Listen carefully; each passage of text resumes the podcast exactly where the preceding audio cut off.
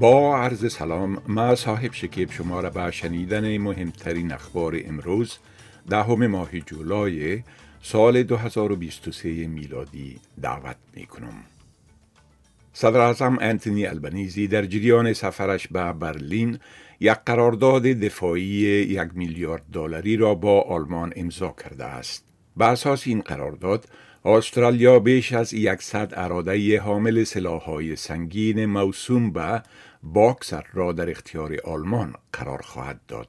آقای البنیزی می گوید که تدارک این ارادجات سر از سال 2025 آغاز خواهد شد و در حدود یک هزار کار جدید را ایجاد می کند.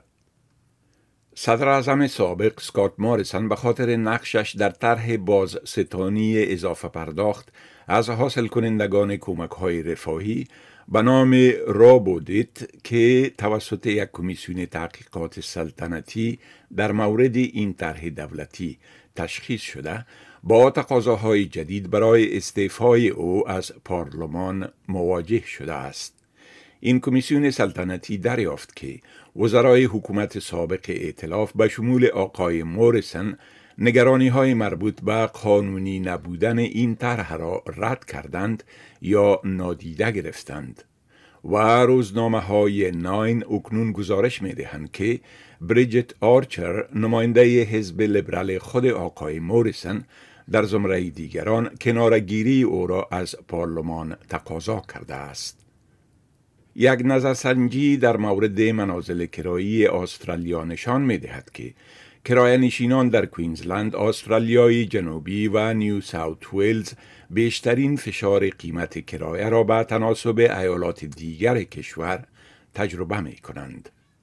یک نهاد تحقیقاتی به نام سبرب ترندز مستقر در نیو ساوت ویلز دریافته است که کرایه نشینان در کوینزلند تحت بیشترین فشار قرار دارند. چنانچه قیمت کرایه در این ایالت به طور متوسط بیش از 16 فیصد در سال گذشته افزایش یافته است. در حالی که حد اوسط افزایش در استرالیای جنوبی و استرالیای غربی نیز بسیار بلند بوده است. قرار است بیش از یک میلیون خانواده استرالیایی با اجرای طرح نو دولتی برای افزایش تخفیف در مخارج مراقبت از اطفال سر از امروز دهم ماه جولای مستفید شوند.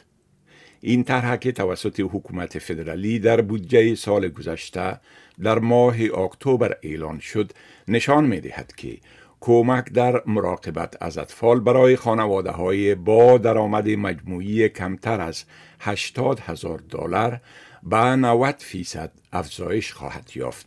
حکومت طالبان استخراج نفت را در شمال افغانستان به همکاری یک شرکت چینایی آغاز کرده است.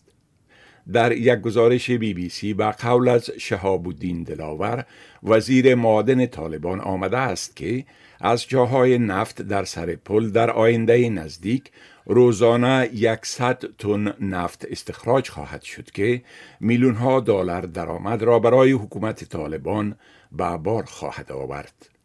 شرکت دولتی نفت و گاز طالبان و شرکت قراردادی چینایی آفچین به طور مشترک استخراج نفت خام در شمال افغانستان را انجام می دهند.